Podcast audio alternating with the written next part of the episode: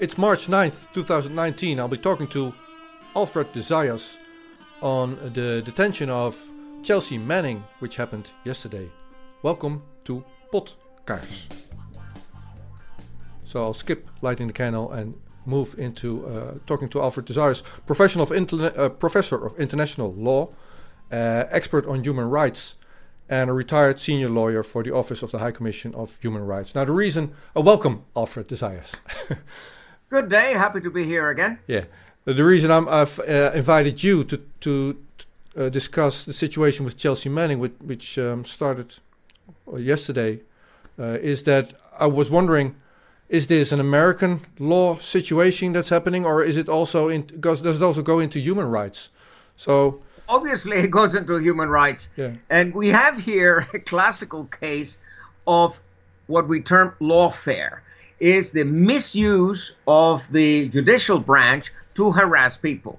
And this is being done more and more. I mean, it's being done, uh, you've seen it in Argentina, you've seen it in Brazil, uh, you see it in Colombia. And the United States uh, is doing it, especially under uh, Trump, quite systematically. And uh, you can defend yourself, and he has good lawyers, uh, Chelsea.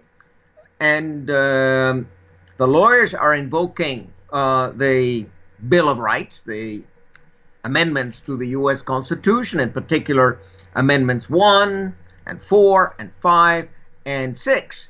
Now, I find that Article 1, uh, which deals with uh, freedom of the press, uh, uh freedom of expression, that is, of course, directly and indirectly uh, touched because what is here at issue is what did Chelsea Manning uh, do and what did uh, Julian Assange do? They exercised the right of freedom of information. Chelsea provided the information to uh, a news service, WikiLeaks, and that news service published it. So that is entirely legitimate, actually, under Article 1 of the uh, or rather Amendment 1 to the U.S. Uh, Constitution. That is also covered and protected under Article 19 of the International Covenant on Civil and Political Rights. And there's ample American case law on this issue and also ample jurisprudence of the United Nations Human Rights Committee, of which I used to be uh, the secretary. Uh, the problem being that uh, they've already jailed the uh, uh, Chelsea. poor Chelsea. I mean, she already suffered seven years of incarceration for doing something which should have gotten her an award, yeah. a human rights award. What did she do as a whistleblower? What did Assange do as a whistleblower? Informed us, informed American citizens like me, informed the world of the war crimes and crimes against humanity that uh, the U.S. had been committing in Iraq, in uh, Afghanistan, and elsewhere. This is crucial information. When a government hides its own crimes, in any democracy, it's absolutely indispensable to have access to this information so that you can hold your government accountable for these crimes that ultimately are being committed in your name. That's what I object to it. I'm an American, and all I can say, not in my name. The crimes that were committed in Iraq and in Afghanistan and that are being committed in Yemen with American bombs, with American weapons, crimes that are being committed in uh, Syria. I don't want to be responsible for that. I want my government to be held accountable for these war crimes and crimes against humanity. So Chelsea did an enormous service to humanity, and so did uh, uh, Julian Assange when I was the independent expert of the United Nations on a democratic and equitable international order, I issued two press releases concerning Julian Assange. Among others, I endorsed and demanded the implementation of the judgment of the United Nations Working Group on Arbitrary Detention, which had found the situation of Julian Assange in the uh, Ecuadorian embassy in London to constitute a violation of Article 9 of the Covenant on Civil and Political Rights, which is the article that protects security of person and the article that prohibits arbitrary detention. So Julian Assange has suffered arbitrary detention. Chelsea Manning suffered arbitrary detention for seven years because her military trial, she should have had an absolute defense. And that's why I've been appealing to the High Commissioner for Human Rights, to the Secretary General of the United Nations, to make sure that the General Assembly adopts a charter of rights of whistleblowers so that whistleblowers can have a defense when they take the risk and they publish something that the public must know. They now, should not be uh, brought before a court. This is, you know, shooting the messenger. Instead of holding George W. Bush, Tony Blair, and the others accountable for the war crimes and crimes against humanity, you are actually persecuting and prosecuting the individual who brought you the information which you had the right to have in the first place. Yeah. Now, um, uh, Chelsea Manning uh, gave some information to uh, WikiLeaks, which Julian Assange in turn published. Um, she was put in jail for seven years, but, but, but she was but she was also uh, released then after seven years uh, by the uh, Obama administration. One of the last things Barack Obama did was release her. And uh, under that administration, Obama also decided not to pursue um, uh, yeah, juridical path with WikiLeaks uh, for fear of uh, First Amendment rights, right? He's, well, of course, they're contrary. So what has changed? What has changed now? Because um, Chelsea Manning is not um, uh, indicted; she was called to testify, to witness at a hearing for for a jury. So what has changed now that um, uh, uh, Ch uh, Chelsea Manning was asked for a jury about WikiLeaks, apparently, but she, uh, as far as I know, she she's unaware what exactly are the are, who's who's being per persecuted and what are the charges. Well, as you know, I'm an American lawyer. Actually, I'm a retired American lawyer. I do not practice uh, and have not practiced in the United States for many years. Uh, I remain a professor of international law in Europe but I uh, I'm not practicing. As the case may be, uh, the grand jury system. I remember when I was a student at Harvard Law School, I was always very skeptical about the grand jury system, about the secrecy of it, about the lack of transparency. I think that is a major constitutional problem. And uh, I would like to see that uh, abolished or reformed. But uh, the way it is right now, I think it is incompatible with certain safeguards uh, that we have uh, in the uh, Constitution.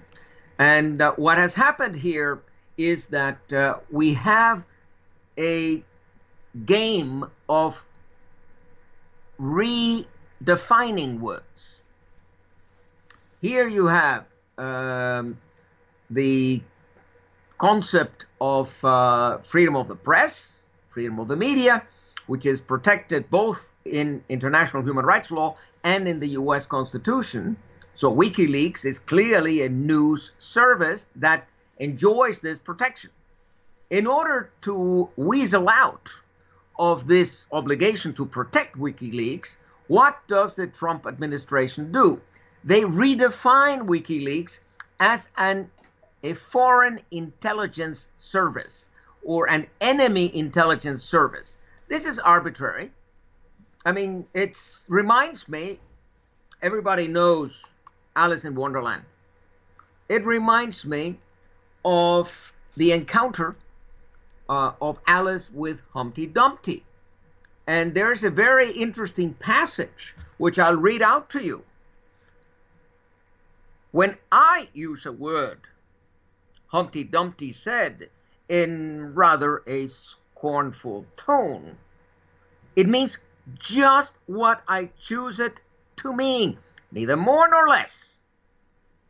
The question is, said Alice, whether you can make words mean so many different things.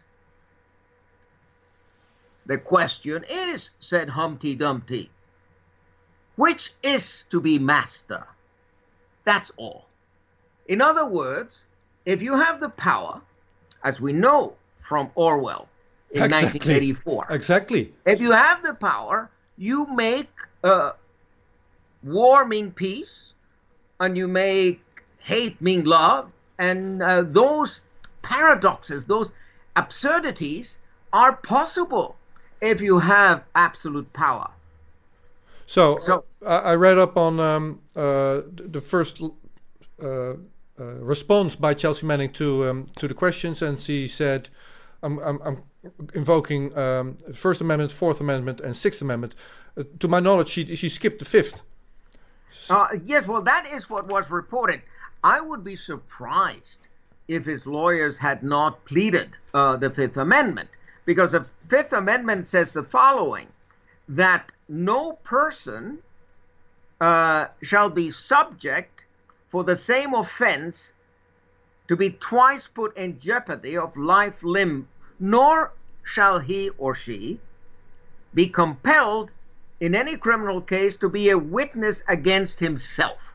So when there is a danger that they will trick you into a statement that may be contradictory to something that you said seven years ago or ten years ago, see, because that's part of the problem. Uh, Chelsea Manning cannot possibly remember everything uh, that she said uh, in the military court uh, proceedings. And uh, of course, the US has all of the record. So you can phrase words in uh, questions in a manner uh, that will confuse Chelsea. Then she will say something, and then you can uh, continue the harassment of uh, Chelsea Manning by starting a new proceeding against her, possibly even for perjury. Yeah, exactly. I mean, this is the abuse of the rule of law to destroy the rule of justice. And that is what is happening in the United States. I've seen it in many other cases. I mean, Chelsea Manning is certainly not the only case. And because that's this type of lawfare is what you see in Argentina against uh, Cristina Fernandez de Kirchner, what you see in Ecuador against Jorge Glas and against Rafael Correa, what you see in Brazil against uh, Lula da Silva. This is serious stuff because it's a corruption of the judiciary, it's a corruption of the vocation of judges uh, to be just, to weigh things, and not to use the law as a weapon against political adversaries in order to intimidate and in order to suppress dissent. And that is what is happening. Yeah. And not only in the United States. No. So now, now that we see uh, Trump administration redefining who gets to call themselves press or not, so as to circumvent uh, the First Amendment, freedom of press. So as long as you consider WikiLeaks to not be press, then you can maybe, um, yeah, well, ch charge them. Uh, now that Chelsea Manning chooses to not answer question of that jury, what would be her way forward from here? What would... Well, obviously she has good lawyers, and the lawyers are fighting uh, this harassment uh, of Chelsea Manning. But uh, when you have uh, a uh, determined judge who wants to prosecute somebody, when you have a fanatical judge who wants to crush uh, a um, defendant, uh, he can get away with it. And uh, of course, there are possibilities of appeal, and that can take a very long time. In the meantime, you rot in jail. And uh, that in itself uh, is intimidation of anybody else in the same situation as uh, Chelsea Manning. So it's not that at the end of the day you're not going to be acquitted. That is the same problem uh, also with uh, hate speech uh, legislation, which has been so much abused in Europe and uh, in the United States, hate crimes. The idea is you get indicted for something like that, totally unjust. Get yourself a lawyer, it costs you $50,000 to defend yourself. Uh, and then it takes two years of your life, and then in the end, you are acquitted. But you are exhausted.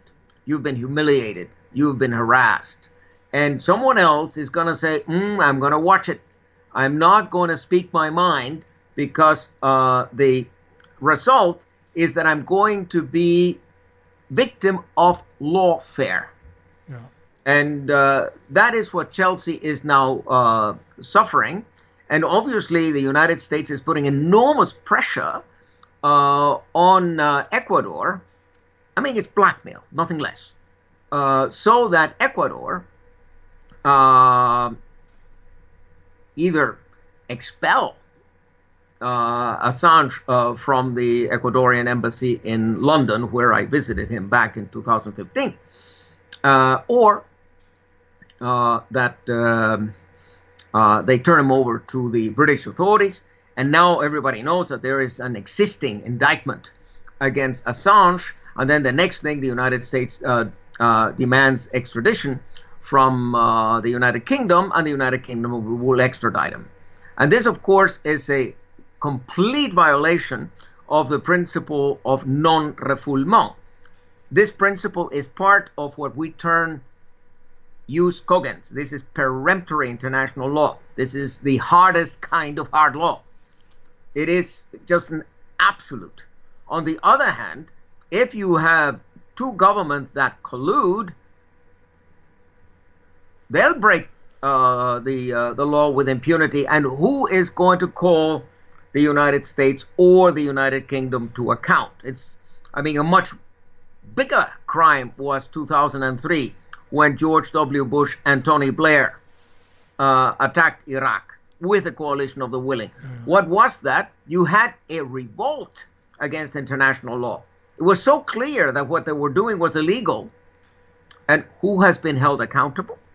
Has the International Criminal Court indicted Tony Blair? Has it indicted uh, George W. Bush and uh, Donald Rumsfeld and uh, Dick Cheney and all the others who were directly involved in what may be the greatest violation of the Nuremberg principles since the Second World War. I mean, this was the most brazen genocidal attack on a people that was not threatening the United States or um, uh, or Great Britain or anybody else. And it was not only Bush and Blair who did it, but they dragged in 41 other countries, the uh, coalition of the willing. So you, you see how weak uh, international law is in preventing its own violation.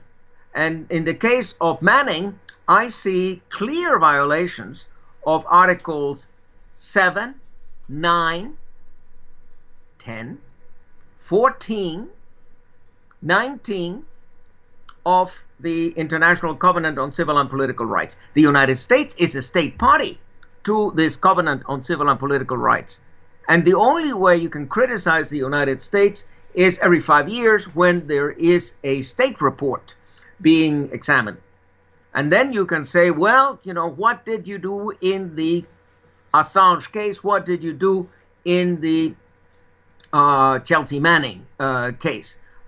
You cannot bring an individual complaint, as you can say in the um, European uh, Court of Human Rights, that you bring a case in the name of this victim. That does not work vis a vis the United States because the United States did not ratify the optional protocol to the Covenant on Civil and Political Rights. Well, then there's also, just to wrap this thing up, uh, the, the court, if you will, of public opinion.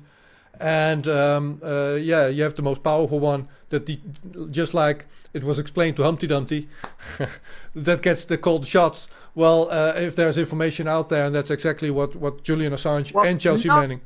not only uh, the uh, court of world public opinion. That, of course, depends on uh, the media, whether the media is going to suppress this information mm-hmm. and is not going to uh, elucidate uh, the problems. Are they going to say this is inconvenient facts and they will ignore them, which happens very often? So there's yet another avenue people's courts. I don't know whether you know the Lelio Basso Foundation in Rome and uh, the Brussels uh, Tribunal, uh, based on the tradition of Bertrand Russell and his uh, people's tribunals uh, uh, against the war in Vietnam. I mean, that is one way of trying to break the blackout in the information about Assange. Because in the case of Assange, he has been thoroughly defamed. There's a caricature of Assange out there in the media. I personally visited him in uh, London 2015, spent three good hours with him. The man is uh, absolutely reliable. He is not playing games. Uh, I respect his integrity. I expect, I respect what he has done uh, thus far, and that is why he's being punished. Interesting uh, to remember, prior to 2010, when he had been revealing war crimes and corruption in Africa and Asia and other countries, he was showered with honors he was considered to be one of the foremost human rights defenders. And then no sooner did he attack, or rather, did he reveal the crimes of the United States, he became persona non grata, he became public enemy number one, and uh, then they did all of this uh, uh, farce uh, with the, the, the this uh, allegations of sexual um, harassment and even rape uh, in uh. Sweden, there again, lawfare, the misuse of the Swedish judicial system for purely political reasons in order to crush this person who had dared to point the finger at the United States. Professor Alves Zayas, thank you so much for your interview here. Uh, we'll talk again later. I, I'm available whenever you want me. Excellent. Take care. Take care. Pleasure. Bye bye.